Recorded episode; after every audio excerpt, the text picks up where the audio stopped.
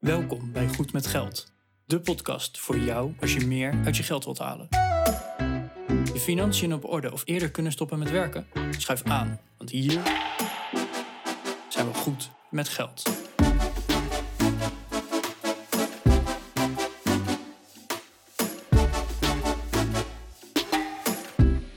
Aflevering 162 van de Goed met Geld podcast. Hoi, Bas en Arjan hier weer. Vandaag hebben we het over onze investeringsstrategie en een update daarover. Want ja, een, strategie dat is voor de langere termijn. Maar ja, de wereld verandert, dus uh, de strategie moet af en toe ook even tegen het licht gehouden worden. En dat hebben we gedaan en we hebben dus ook echt uh, wat veranderd aan onze investeringsstrategie. Wat we hebben veranderd, dat uh, ga je horen vandaag. Wil je reageren? Dat kan natuurlijk via goedmetgeldpodcast.nl slash contact of onder de show notes van vandaag goedmetgeldpodcast.nl slash 162. Veel luisterplezier!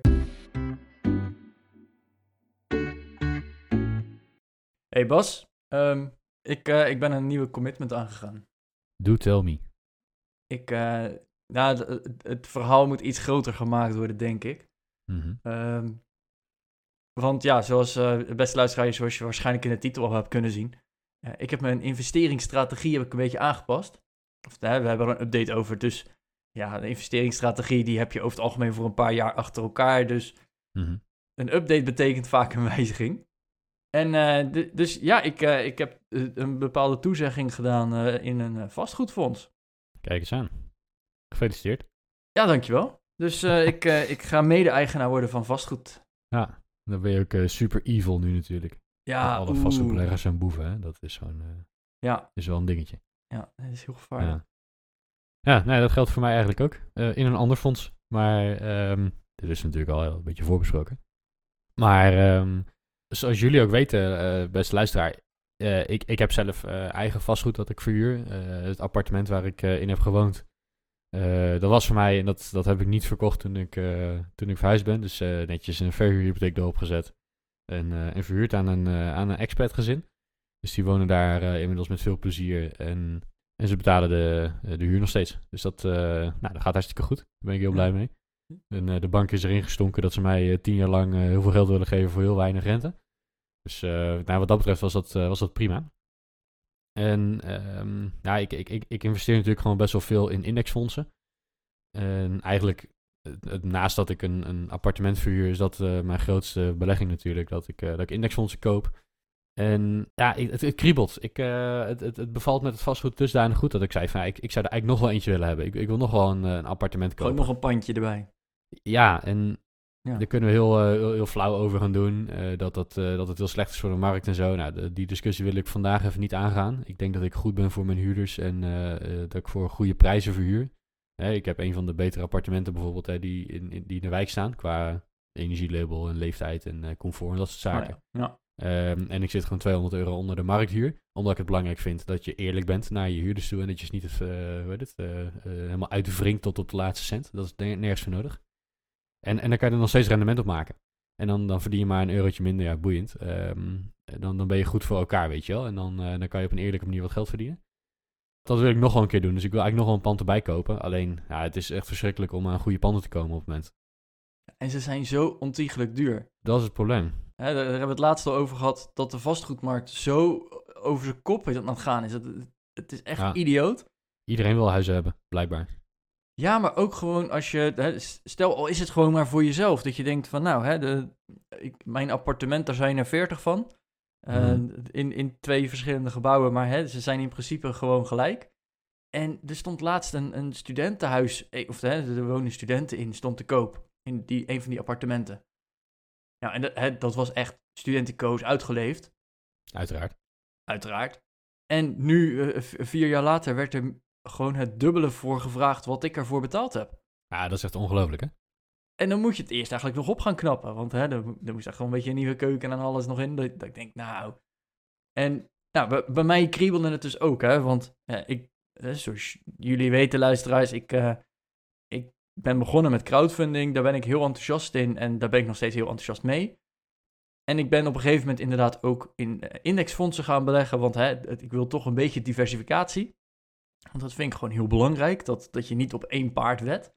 Ja. Ja, en ik, ik ging op een gegeven moment, hè, mijn doel was eerst, laat, die crowdfunding was zoveel, eh, laat ik het eerst maar naar 50-50 brengen. En dat deed ik op dusdanige manier dat mijn crowdfunding, alles wat daar terugkwam en, en aan rendement, dat herinvesteerde ik in crowdfunding. En al het geld wat ik eh, dus, dus over had van mijn salaris en noem maar op, dat investeerde ik in eh, indexfondsen. Nou ja, ja, dat is wel mooi. Ja, dus op die manier, hè, het ging niet super snel naar de 50-50. Maar goed, ondertussen zat ik toch echt wel, ook met wat waardestijging in, uh, in die ETF's, zat ik toch op 60-40. Mhm. Dus mijn aandelen waren dus al meer waard dan mijn crowdfunding portefeuille. En ja, dan, dan gaat het toch ergens kriebelen. Want ja, ik heb net al geroepen, ik wil niet op één paard wedden. Mhm. Maar als ik dan ga kijken, het is één indexfonds bij één broker. In, in, het is één ja, uh, manier van investeren.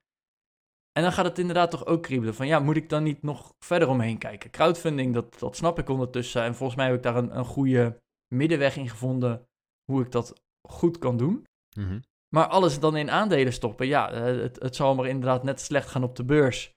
En ik zal het op dat moment nodig hebben. Dat, ik vond het te risicovol worden voor mezelf. Uh, dus ik ben inderdaad ook naar vastgoed gaan kijken. Maar ja, inderdaad even, nou, wat was het? De, de 2,5, 3 ton neerleggen voor een appartementje wat uitgeleefd is. Dat is dan de vraagprijs. Daar is nog niet eens op overboden, wat tegenwoordig ook gewoon standaard is. Uh, dat is het probleem inderdaad, ja. Ja, ik heb dat niet in mijn achterzak zitten. Nee. Ik zou het graag willen hebben, maar ik heb het niet. dat zou mooi zijn, hè?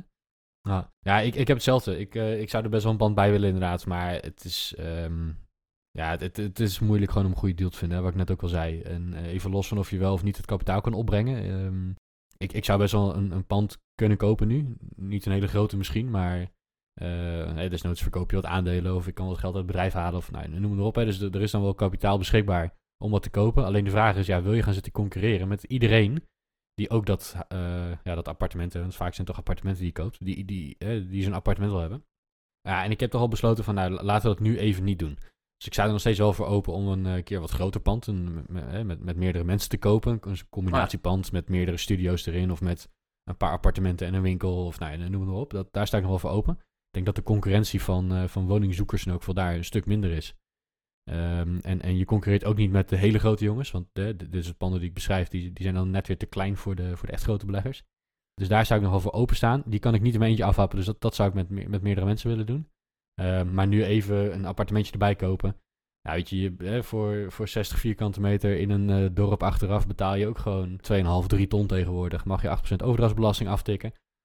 Ja, dat is niet te doen. Het is, het is gewoon niet grappig meer. En, um, en, en de prijs die, op de, hè, die uiteindelijk op het contract staat, die, die maakt niet eens heel veel uit.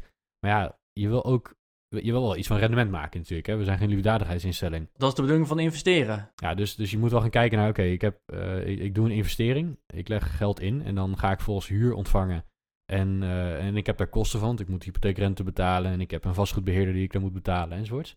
En wat blijft er dan aan netto cashflow over onderaan de streep? Nadat ik ook heb gereserveerd voor onderhoud en zo. Daar moet je ook niet, uh, hè, dat, dat, is niet misselijk. Als er af en toe een nieuwe keuken of nieuwe badkamer in moet, ja, dat hoeft niet elk jaar, maar dat zijn wel grote bedragen. Dus daar moet je gewoon voor reserveren. Ja. ja wat er dan uiteindelijk aan netto cashflow overblijft, dat is dan het rendement dat je maakt. Nou, je pakt dat voor een jaar, hè, je, je cashflow, je deelt dat door de inleg die je hebt gedaan. Hè, dus de aanschaf plus uh, de overdrachtsbelasting plus de aanschafkosten en eventuele verbouwingskosten. Ja, dan wil je een beetje rendement overhouden. En als je ziet dat de rendementen nu netto een uh, procentje of drie zijn als je panden op Funda koopt en gaat zitten overbieden. Ja, dan, dan, dan hoeft het voor mij niet. Dat, dat ga ik gewoon niet doen.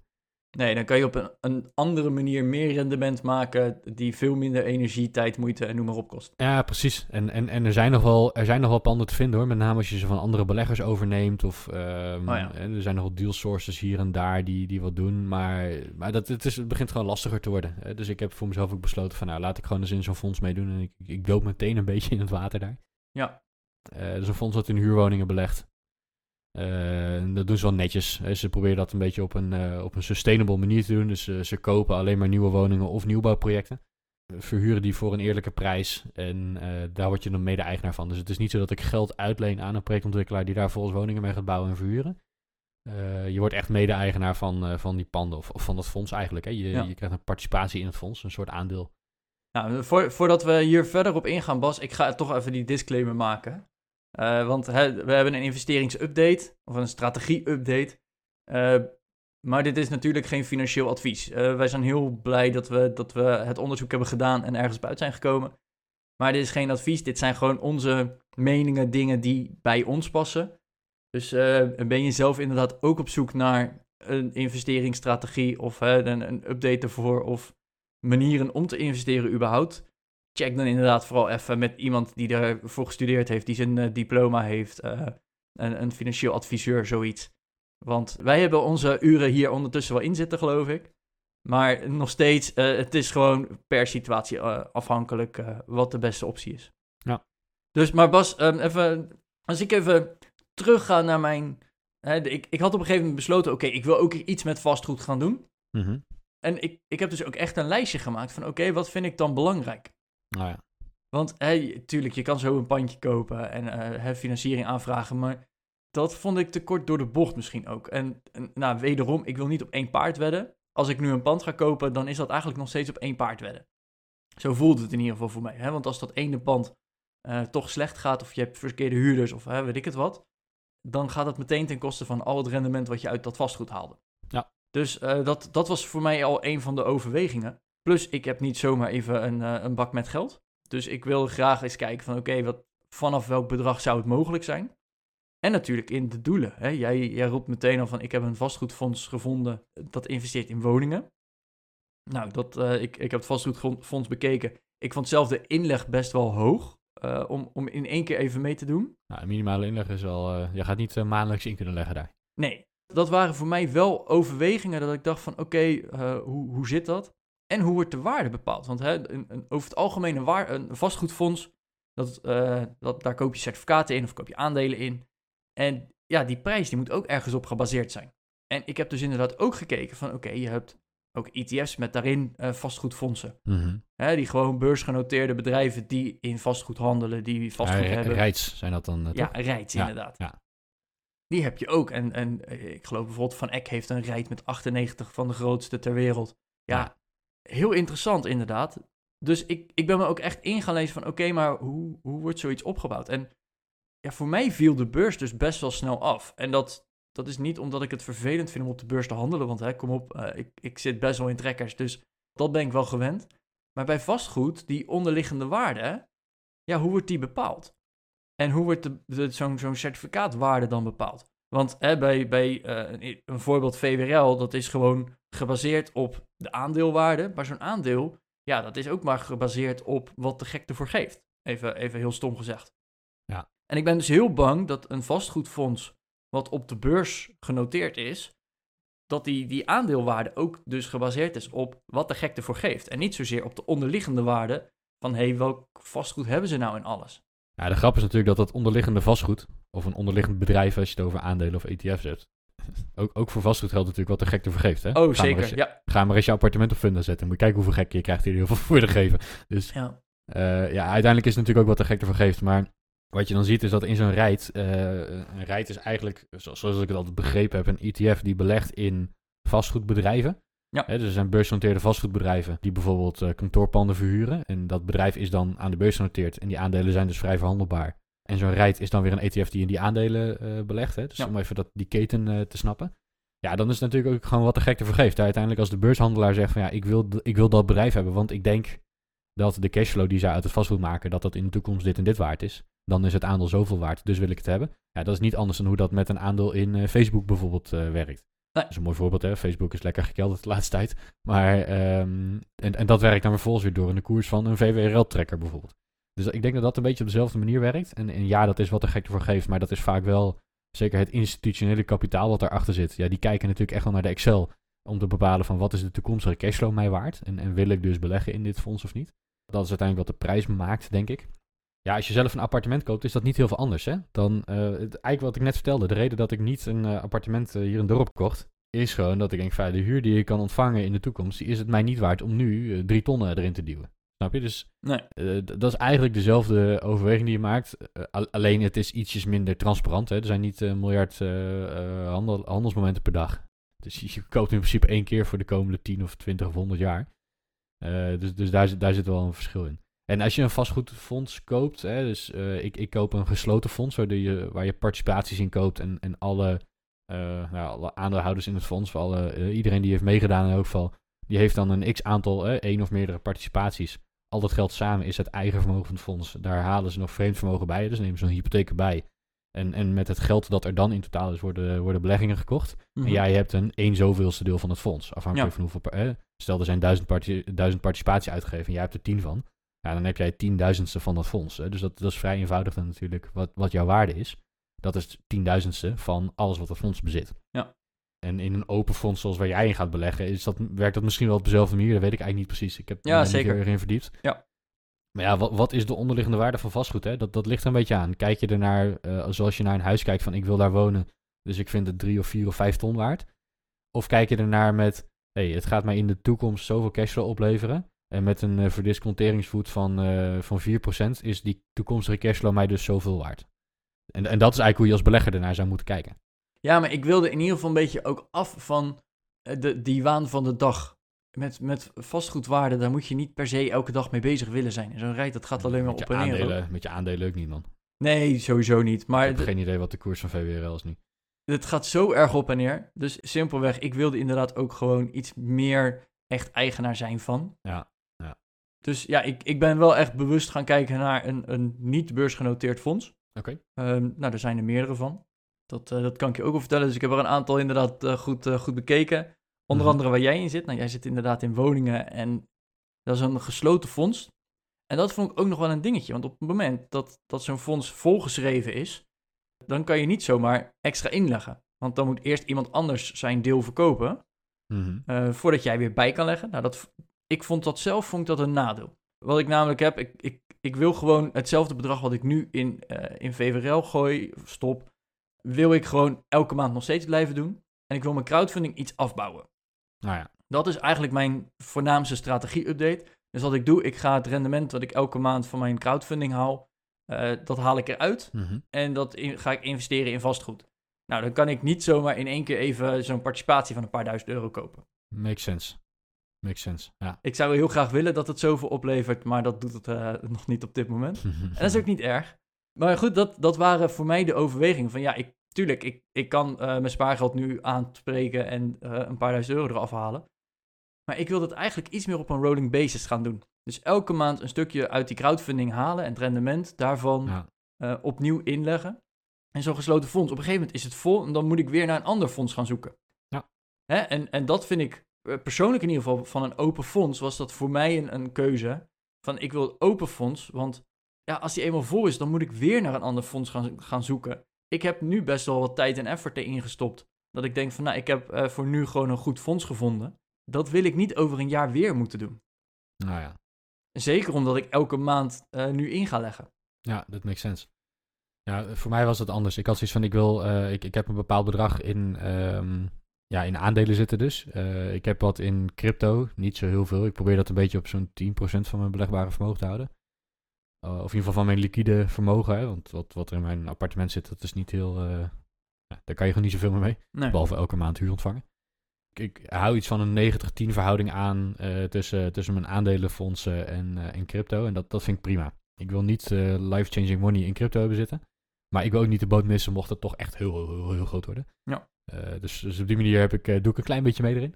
En ik heb nu besloten van ik, ik wil daarnaast nog gewoon wat in een, eh, in een vastgoedfonds hebben. Dus ik heb gewoon eenmalig een, een, een beetje van mijn aandelen verkocht. Om een paar participaties te kopen in het vastgoedfonds. En dat zit ook. Dus dat is niet een maandelijks terugkerende belegging. Dat is eigenlijk net als dat ik een appartement koop en dat ga verhuren. Koop ik nu eenmalig een paar participaties en eh, worden daar huurwoningen mee aangekocht. Oh ja. En wat er dan vervolgens gaat gebeuren is dat je dus die participaties, die, die heb jij, die, hebben een, die vertegenwoordigen een bepaalde waarde. Eh, dat is de inlegwaarde die je hebt gedaan. Dus, dus dat is ook hoe zo'n fonds tot stand komt. Hè. Je, je, je koopt een participatie van het fonds. Daarmee leg je geld in, in dat fonds. Met dat geld gaan zij vastgoed kopen en verhuren. En eh, na aftrek van de kosten die ze maken om te verhuren, hè, dus eh, denk aan het beheer en het onderhoud en dat soort zaken, gaan die huurstromen, de, de netto cashflow, die gaat weer terug naar de eigenaren, naar, de, naar de beleggers. En dat gaat in de vorm van een dividend, dat wordt elk kwartaal uitgekeerd. Dan krijg je gewoon elk kwartaal eh, cash op je rekening gestort. In de, eh, dat, dat is dan je dividend. En, Ja. en het rendement dat je maakt op dat fonds, op die belegging, dat is het dividend dat je krijgt. Maar je initiële inleg is niet weg, hè, want ja, die panden die zijn er nog steeds. En het doel van dit fonds is om in elk geval de komende vijf jaar de panden te blijven verhuren. Ja. En na vijf jaar is er de mogelijkheid om ehm, hè, dat, dat de aandeelhoudersvergadering besluiten. Dus als belegger krijg je de mogelijkheid om daarover mee te stemmen. om panden te gaan verkopen of niet uit de portefeuille. Het kan zijn dat de markt verandert en dat ze geld in een ander pand willen stoppen of, of wat dan ook. Of dat beleggers zeggen, nee, doe nu maar een stuk van ons kapitaal terug. dus we gaan deze en deze projecten verkopen en deze houden we aan. En dan komt er, een, er komt natuurlijk in één keer een hele bak geld beschikbaar. en, en die wordt ook weer verdeeld onder de beleggers. Oké. Dus ik meen dat de beheerder dan een stukje krijgt als, een, als management fee als het ware. Als beloning voor goed gedrag. En, en, de, en de rest, het, het merendeel gaat natuurlijk naar de eigenaren, naar de beleggers die hun geld hebben geïnvesteerd. En het kan natuurlijk zijn dat je daar verkoopwinst op maakt. Of verlies. Hè? Ik bedoel, de markt gaat ja, natuurlijk je, niet altijd alleen maar omhoog. Je kunt winst of verlies maken. En dat is met name de reden dat ik in, in woningen wil zitten en niet in commercieel vastgoed. Ja. Ik, ik, ik, geloof niet zo in commercieel vastgoed op dit moment. Ja, voordat we daarop overgaan, want mijn fonds zit daar wel in. Ja. maar ik, ik was nog even benieuwd, heb je, heb je wel gekeken en overwogen, of wat waren je overwegingen rondom de liquiditeit? Want je, kan, ja, je hebt nu een, eh, een aantal van die participaties gekocht, maar je kan niet uh, zeggen van, hé, hey, ik heb uh, over een maand dat geld nodig, doe maar even verkopen. Nee, dat kan niet. Nee, en, en dat vind ik dus ook niet zo'n probleem. Kijk, als ik over een maand geld nodig heb dan, uh, en, en ik moet daarvoor beleggingen gaan verkopen, dan heb ik ergens mijn financiële management niet goed gedaan. Hè, dus, dus het over een maand geld nodig hebben vind ik niet zo'n goed argument, als ik heel eerlijk ben. En daarvoor heb ik een buffer, en, zowel privé als zakelijk. En er is gewoon een inkomen. Um, dus nee, over maand geld nodig hebben, geen argument. Uiteindelijk kunnen bepalen dat je je geld ergens anders in wil stoppen. Dat is best wel een goed argument, denk ik. Hè? Dus je wil uiteindelijk wel iets van liquiditeit hebben. Ja. Maar goed, die heb, ik, die heb ik met mijn appartement nu ook niet. Ja, ik kan mijn appartement verkopen, maar dan moet, eer, dan moet ik wachten tot de huurder eruit gaat. Hè? Want die kan je niet zomaar eruit gooien. Um, dus je moet wachten tot je huurder weg is. Dan moet je het pand gaan verkopen. Dan heb je heel veel kosten en heel veel moeite die je daarvoor moet doen. Totdat je uiteindelijk geld op je rekening hebt. En, en dat is nou eenmaal hoe het met vastgoed werkt, weet je wel. Je, je, je, ja, je koopt een berg bakstenen waar iemand in woont. Ja. ja, dat is gewoon niet zo makkelijk te verhandelen als een eigendomsbewijs van een bedrijf. Hè? Een, een aandeel of een, of, een, of een ETF. Dat is een afweging die je maakt van vind je dat erg of niet? Nou, ik vind dat niet erg, omdat ik nog steeds best wel veel vermogen in, uh, in indexfondsen heb zitten. En er daarnaast gewoon een inkomen en een buffer aanwezig is. Ja. Dat ik me geen zorgen hoef te maken over mijn cashflow voor de komende paar maanden. Dat, dat, is, dat is nooit een probleem. En mocht dat echt een probleem zijn, dan kan je altijd nog je aandelen verkopen. Uh, dus ja, weet je, op die manier kan je een soort, uh, je hebt een soort drietrapsraket als het ware van liquiditeit. Eén heb je stuk cash, twee heb je je aandelen die je zou kunnen verkopen, maar dat wil je niet. Als dat nodig is, heb je eigenlijk al fouten gemaakt. Uh, maar goed, het zou nog kunnen. En daarachter zit nog iets dat, dat een belegging is die je niet zo makkelijk kunt verkopen. Ja, nou die, die overweging heb ik dus wel ook inderdaad meegenomen. En ik, ik kan me dus indenken dat een uh, luisteraars van ons zeggen van ja, uh, Bas, jij gaat een commitment voor minimaal vijf jaar aan, maar ik wil bijvoorbeeld drie jaar meedoen met een, een vastgoedding. Uh, dan zou bijvoorbeeld zo'n rijt dus wel weer heel interessant kunnen zijn, omdat die verhandelbaarheid gewoon veel hoger is. Ja. Hè, dat, dat, dat zijn allemaal overwegingen die je meeneemt. Ik heb voor mezelf inderdaad meegenomen van ja, ik heb inderdaad uh, gewoon cash en, en een baan en nou, de, de, gewoon de aandelen die ik nog steeds koop en die kan verkopen als het moet. Mm -hmm. Maar ik heb ook wel gekeken van oké, okay, maar voor hoe lang zou het vast kunnen staan of vast moeten staan? Nou ja. Vastgoed, dat koop je sowieso voor de langere termijn. Mm -hmm. nou, ik heb een aantal fondsen bekeken en er waren dus ook fondsen die hebben dan instapkosten of uitstapkosten. Nou ja. Dus dan kost het gewoon geld op het moment dat je eruit gaat. Want dan was er Ja. weer een fonds dat instapkosten had, maar dat dan weer berekend werd op het moment dat je uitstapte. Zulke, zulke constructies. Ja, ik, ik vind het altijd heel vaag als dat gebeurt. Ja, nou, eh, dus eh, ik, ik, ik heb inderdaad ook eh, daar heel erg naar gekeken. Van oké, maar wat kost het dan op dat moment? En die kosten, dat is ook gewoon heel belangrijk. Wat kost de beheerder? Welke fees zijn Ja. er? al, dat soort dingen. En eh, tuurlijk, de kosten zijn hoger dan bij wanneer je zelf een pandje koopt. Of eh, wanneer je in een indextrekker gaat zitten. Of wanneer je in een rijt gaat zitten. Tenminste, als je in een rijt gaat zitten, dan heb je de TER, dus de, ja, de, de standaard kosten die er zijn om zo'n eh, index te houden en te maken en dingen aan te kopen. Alleen zo'n vastgoedfonds wat daarin zit, maakt ook kosten. Dat is allemaal verborgen. Ja. Precies. Hetzelfde geldt natuurlijk als je aandelen koopt en je koopt eh, de AEX waar Ahold in zit. En Ahold is eh, de holding eh, waar onder andere Albert Heijn onder valt. Ja, Albert Heijn heeft heel veel kosten, want die hebben ook een directeur die betaald moet worden en een hoofdkantoor wat eh, gehuurd wordt enzovoorts. Ja, dat zie je allemaal niet als je dat aandeel koopt of als je een ETF koopt die in de AEX belegt natuurlijk. Hè? Nee.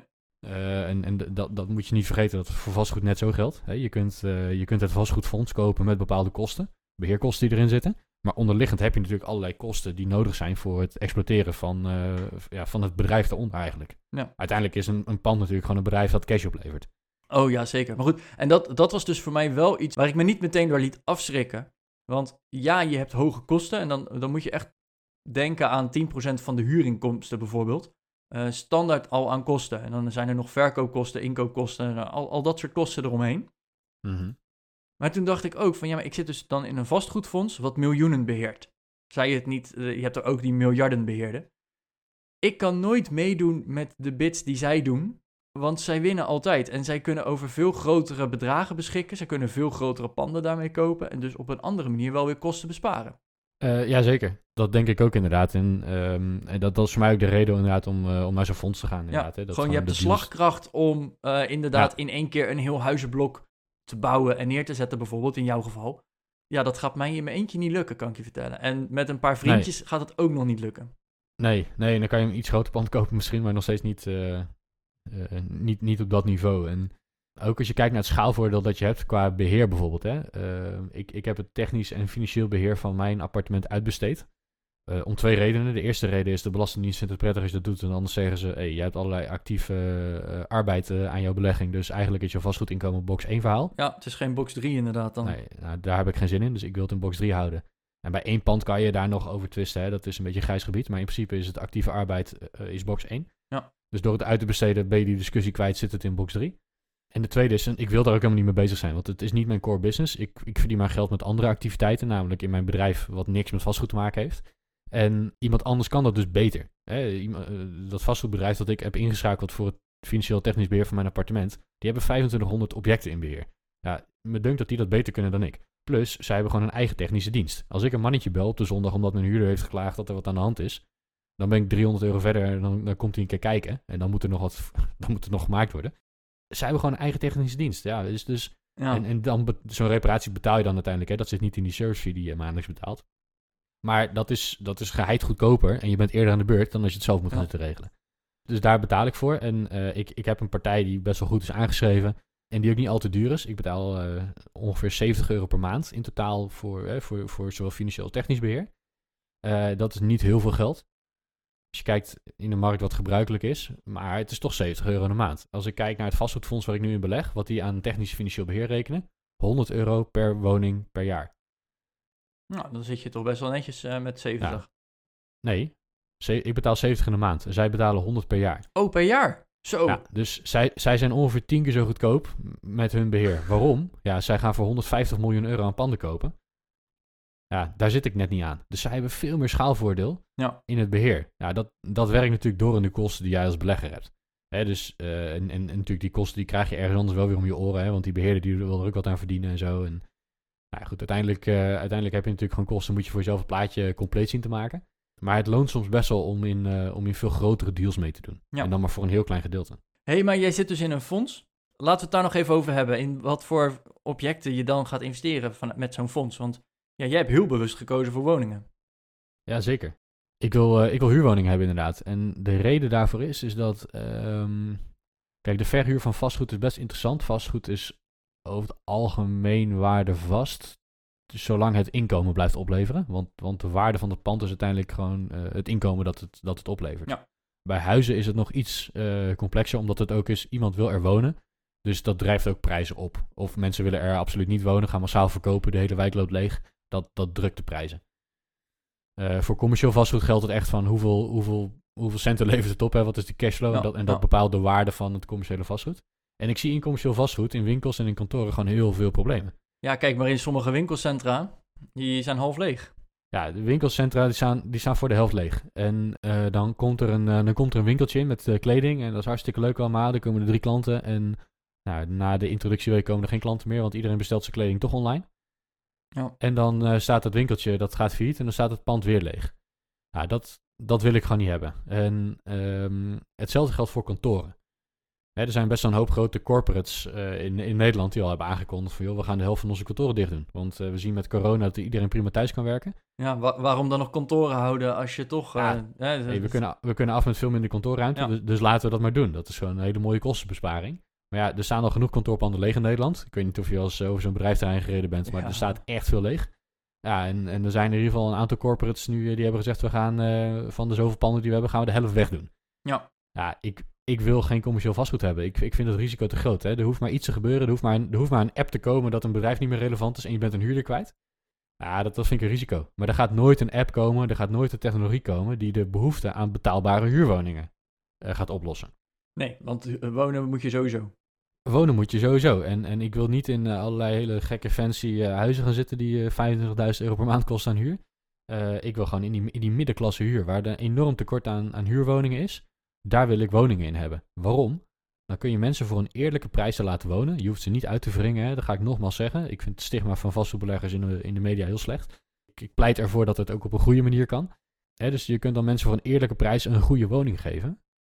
Ja, en, en er blijft altijd behoefte aan goede woningen voor een eerlijke prijs. Mensen moeten altijd ergens wonen. Ja. En dat is de reden dat ik niet in commercieel vastgoed wil zitten, maar wel in, eh, wel in woningen. En een keer een combinatiepand hè, met een paar appartementen of een paar studio's en een winkel, dat durf ik nog wel aan. Hè, misschien met een kapperszaak erin of met een, eh, ik wil met een broodjeszaak of zo, wha- whatever. Dat, die durf ik wel aan. Maar, maar niet een kantoorpand of een, eh, of een winkelcentrum of zo. Nee. Nou, en ik ben dus ook echt... eh, je hebt zoveel vastgoedfondsen. Google maar eens en de, de advertenties schieten je meteen ook om de oren. En ik heb dus ook wel ergens gedacht van... Ja, maar ik wil misschien juist wel geen vastgoed. Want nou, wij wonen nu op een appartement en hè, de grote kans dat wij over een paar jaar ook een andere woning willen hebben. Daar kwam meteen ook bij mij de gedachte op van ja, maar al die vastgoedfondsen, of hè, de, de, de, eh, vastgoedeigenaren, die maken Mhm. dus ook onmogelijk dat ik straks een andere woning kan kopen.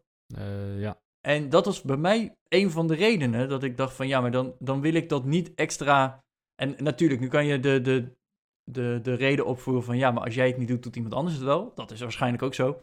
Maar dat, dat zijn dus allemaal wel overwegingen die bij mij meestelden. Ehm, en ik kwam dus inderdaad een aantal vastgoedfondsen tegen die inderdaad in commercieel vastgoed zitten. En dan zit je inderdaad te denken aan winkels, kantoorpanden, Mhm. nou, parkeergarages, winkelcentra zelfs. En daar dacht ik ook inderdaad van, oh shit, dat wil ik eigenlijk ook niet. Want, ja. nou, hier bij mij om de hoek heb je, heb je een winkelcentrum. Dat was echt een winkelgebied. En 20, 20, 25 jaar terug was echt je van het winkelgebied. Mhm. Dat waren drie winkelcentra bij elkaar. Ondertussen gaan ze één winkelcentrum afbreken en de ander gaan ze ombouwen naar woningen, zodat er nog maar één overblijft. Omdat het gewoon niet meer werkt. Het is, Nee. eh, eh, zo realistisch moeten we ook zijn met internet. Er is er geen behoefte aan zoveel winkels. Nee. Dus ehm, daar, daar was ik best wel bang voor. En ook die kantoorgebouwen. En toen zat ik daar verder op in te lezen. En ja, daar heb je best wel wat verschillen in. Sommige vastgoedfondsen die zeggen, ja, maar wij kijken echt van, hé, hey, welke gebieden zijn er? Wat is de ontwikkeling van een gebied? Zijn vastgoedfondsen die over heel Europa, zelfs wel heel de wereld investeren. Eh, die dan inderdaad, nou, dus inderdaad de, de kennis en kunde in, in huis hebben. Om Mhm. inderdaad zo'n zo'n heel gebied eh, en het- de ontwikkeling ervan in de gaten te houden. Ja. Nou, daar is echt wel wat voor te zeggen. Want ik denk ook zeker, kantoorpanden zal je altijd ook wel ergens blijven houden. Hè, en als zij dan op een, op een goede plek, wat echt net aan het ontwikkelen is, een goed kantoorpand kunnen kopen, eh, hè, waarom niet? En een ander fonds die zei van ja, wij, wij doen inderdaad in winkels. En inderdaad, winkels die zijn echt eh, niet de beste business op dit moment. Eh, maar wij kijken dan vooral naar winkels die wel essentieel zijn. Denk bijvoorbeeld Ja. aan een supermarkt. Ja. Ja, en inderdaad, je hebt nu ook eh, online supermarkten en zo. En die zijn echt wel in opkomst. Maar ik zie niet zomaar de, de lokale Appie of de lokale Jumbo uit het straatbeeld verdwijnen. Eh, plus dat die contracten ook vaak wat langer lopen. Hè? Dus die zullen ook niet zomaar omvallen zoals een, een, een kledingwinkel eh, die zich nog maar moet gaan bewijzen. Nee, dat, dat denk ik ook inderdaad. Ehm, dus, dus daar zit je nog enigszins safe. Eh, het zijn vaak ook langere contracten, langere Ja. huurcontracten. Dus, maar dat, dat zijn dus wel dingen waar ik echt heel serieus naar heb gekeken. Dus ik ben inderdaad in een vastgoedfonds gaan zitten. Die hebben wel wat kantoren. Maar die kijken dus inderdaad heel erg van: oké, wat voor kantoor is het? Eh, is het bijvoorbeeld ook te verhuren aan meerdere partijen, kleinere partijen desnoods? Nou ja, Ehm, en inderdaad, dus vooral die focus hebben op vastgoed wat, eh, wat niet zomaar uit het straatbeeld zal verdwijnen. Of ik, ik zag geloof ik ook dat ze nog ergens een, een pand hebben waar een praxis in zit. Hmm. Ja, bouwmarkten, ik, het is toch altijd wel even fijn om in een bouwmarkt te kunnen zijn. Ja. Hè, en, en natuurlijk, de online concurrentie is moordend. Maar ik zie niet zomaar dat een bouwmarkt of een supermarkt uit het straatbeeld gaat verdwijnen. En dat was voor mij wel een van de, de keuzes waarvan ik dacht van oké, nou dit, dat in combinatie met hè, open-end fonds, zodat ik kan in blijven leggen zonder dat het fonds ooit echt vol is. Mhm. Het is niet beursgenoteerd. Waardoor ik ook echt hè, de, de, de, de prijs van zo'n participatie, die wordt ook daadwerkelijk gebaseerd op wat is de waarde van de, van de hele portefeuille. Ja. Ik kon automatisch ook mijn rendement eh, of het, het voorschot van het dividend wat ze uitbetalen, kon ik automatisch herinvesteren. Nou ja. s- Staat onder toezicht van eh, de AFM. Nou, je hebt heel veel van, van zulke fondsen die inderdaad dan onder toezicht staan van AFM of een Europese gelijke. Mhm. ik, ik weet in Frankrijk zit er bijvoorbeeld ook een hele grote. Dus, nou, dat, maar dat waren wel allemaal checkboxes die ik even langs ben gegaan van, hé, hey, wat vind ik nou belangrijk daarin? Ja, ja dat, is, eh, dat, dat is wel een dingetje inderdaad. Eh, dus, dus voordat je in zo'n fonds belegt, ben- je bent even wat verder dan dat je zegt van nou, ik pak een ETF en, eh, en daar ga ik in inleggen. hè. Dus, dus het vraagt misschien wat meer onderzoek. Maar Arjan, wat hoop jij hier nou uit te halen? Oeh, goede vraag. Hè, want wat, hè, we, we hebben het uiteindelijk over het, een, update van jouw investeringsstrategie. Ja. Naast dat je in aandelen en crowdlending zit, ga je nou ook een beetje in een vastgoedfonds zitten en, en dat ga je uitbouwen. Wat hoop je hier uit te halen? Ja, nou, ik, ik hoop hier een, een stukje eigendom uit te halen op een andere manier dan aandelen. Oké. En, eh, want dat vind ik een van de nadelen van crowdfunding. Ehm, ja, de, de rendement, het is gewoon best wel relatief veel werk voor het rendement wat je ermee haalt. Mhm. Want je moet het veel meer in de gaten houden. En, en nou, daar, daar hebben we al eerder over gesproken. Ik ben niet super te spreken over alle platformen eh, die in crowdfunding eh, doen. Ja, ja. Dus hè, dat, daar, daar wil ik een beetje nou, van weg, wil ik niet meteen zeggen. Maar ik wil het wel een beetje afbouwen of in ieder geval stabiliseren wat er nu in zit. Mhm. Maar ik wil niet het geld meteen in een eh trekker stoppen. Ja, en ik, precies. ik wilde dus mijn portfolio eigenlijk diversificeren. En ik vond eigenlijk daarin een aandelenfonds een, een mooi alternatief. Het, het geeft ook wel weer een cashflow. Want op een gegeven moment kan ik het dividend ook gewoon op mijn rekening uit laten keren. Mhm. Ja, dat is ook gewoon een stukje cashflow. Terwijl dat geld, dat staat er gewoon ergens. En als ik Ja. erbij moet, dan kan het op een gegeven moment ook wel. Ik geloof dat ik een uitstaptermijn heb van een paar maanden. Nou, dat is prima. En Ja, precies. ben ik ja. totaal niet van plan. Maar het is wel een exit-strategie dat als de, de nood aan de man is, dan kan het. Oké. Nou ja, interessant. Dat, eh, dat is wel leuk. Voor, voor mezelf is het meer gewoon, ik, wil, eh, ehm, ik, ik wilde wat meer exposure hebben naar vastgoed. Ehm, dus ik, ik maakte eigenlijk een kleine switch. Maar goed, dat, waar we het net ook over hadden, het is een eenmalige investering en het is niet iets dat maandelijks terugkomt. Dus voor de rest verandert er niet zoveel. Ik heb een paar aandelen verkocht, een paar, eh, een paar van mijn eh, ETF's, eh, zeg maar, of indexfondsen moet ik zeggen. Ja. En, en daarmee die pa- participatie aangekocht. En voor de rest ga ik gewoon maandelijks verder met het inleggen in, in indexfondsen. Ja, nou, en dat, dat is dus voor mij wel echt een, een maandelijks iets. Ehm, en, en nog een van de voordelen die ik echt wel vond, is van ik kan hier gewoon inleggen en het gaat rende- renderen. En dat vind ik met crowdfunding wel eens, dan wordt zo'n project eerder afgelost of weet ik het wat. En dan moet ik weer een nieuw project vinden. En dan duurt Mm, het ook ja. weer even voordat dat is volgeschreven, voordat, het, eh, voordat zo'n betaalverzoek er is, voordat het langs, nou weet ik het, notaris of contracten getekend zijn. Ja. Dus daar, zit altijd een tijdje tussen. En nu kan ik het gewoon inleggen en gaat het renderen alsof het, ja, het, het klinkt misschien een beetje stom en het is zeker niet gelijk, maar alsof je het gewoon in een spaarrekening stopt en gewoon rente gaat geven. Zo beschouw ik nu die eh, vaste belegging ook. Hè. Ik krijg, eh, elk kwartaal krijg ik dividend overgemaakt. En dat gaat die maand gewoon lekker mee in mijn standaardbeleggingen weer Ja. naar aandelen. Hoewel het product natuurlijk compleet anders is, maar zo voelt het wel in, voor mij in ieder geval eh, in dit geval. Oké, interessant. Ja, wat zou jij de, de luisteraar nog willen meegeven, Arjan? Wat heb je hier nou van geleerd? En even opletten dat je geen financieel advies geeft natuurlijk, maar... Nee, wat ik hiervan heb geleerd is dat ik heel blij ben dat ik mijn vooronderzoek heb gedaan. En dat ik echt uitgebreid vooronderzoek heb gedaan, want we hebben het hier nu over. Maar ja, Bas en ik die spreken elkaar regelmatig, ook voor de, voor de opname nog even. Ik denk dat ik een jaar terug al wel eens gekscherend heb gezegd, ik wil eens wat anders. En dat ik een half jaar terug al zo'n beetje ben begonnen van, eh, ja, wat zijn de opties? Eh, wat is er allemaal om me heen? Eh, en ik denk dat ik de afgelopen maand, twee maanden er echt goed in gedoken ben. Mhm. Dus het, het is ook niet zomaar even van, hé, hey, ik wil wat anders, dus ik ga mijn strategie aanpassen. Nee, er zit wel meer onder. Ehm, en wat ik de luisteraar nog echt mee wil geven, is ehm, doe iets wat wel bij jou past. Hè, wij, hebben nou, bijvoorbeeld ons meningsverschil over woningen, de, onze visie erop. Eh, dat, dat moet, het moet ook wel bij je passen. En als jij zegt van, nou, ik, eh, ik, ik vind überhaupt vastgoed niet bij me passen, ja, dan moet je het ook vooral niet doen. Weet je, en, en het moet ook zeker niet over één nacht ijs gaan. Dus eh, doe je research. Eh, er zijn heel veel documenten eh, beschikbaar en online. Ga niet ook meteen voor de bovenste in Google, want die over het algemeen de bovenste in Google betaalt gewoon het meeste om bovenaan te staan. er staat dan... betekent, betekent niet dat ze de beste zijn. Dat betekent zeker niet dat ze de beste zijn of de goedkoopste of weet ik het wat. Dus ja, en, Ja. en probeer inderdaad een beetje te doorgronden van... hé, hey, wat, wat verdient de andere partij er nog eens aan? Want je, je neemt in principe gewoon een product af van een partij. Eh, die Mhm. moeten ook hun eh, boterhammen verdienen. En hoe verdienen ze die? Ja. Jij nog dingen die je echt mee wil geven?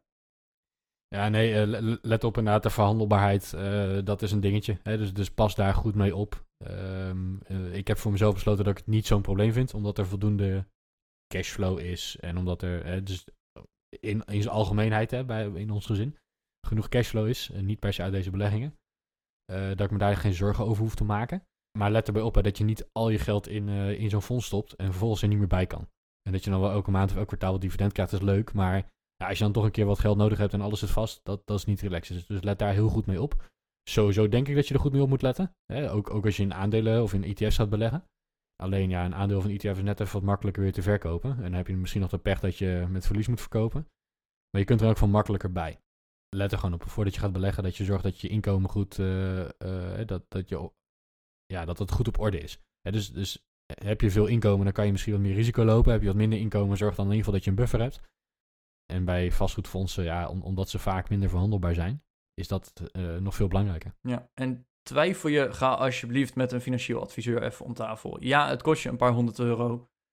Maar hè, die, die denken met je mee en die kunnen ook daadwerkelijk een advies geven van... oké, in jouw situatie is dit echt wat je totaal niet moet doen... of is dit echt wel een, een verstandige keuze?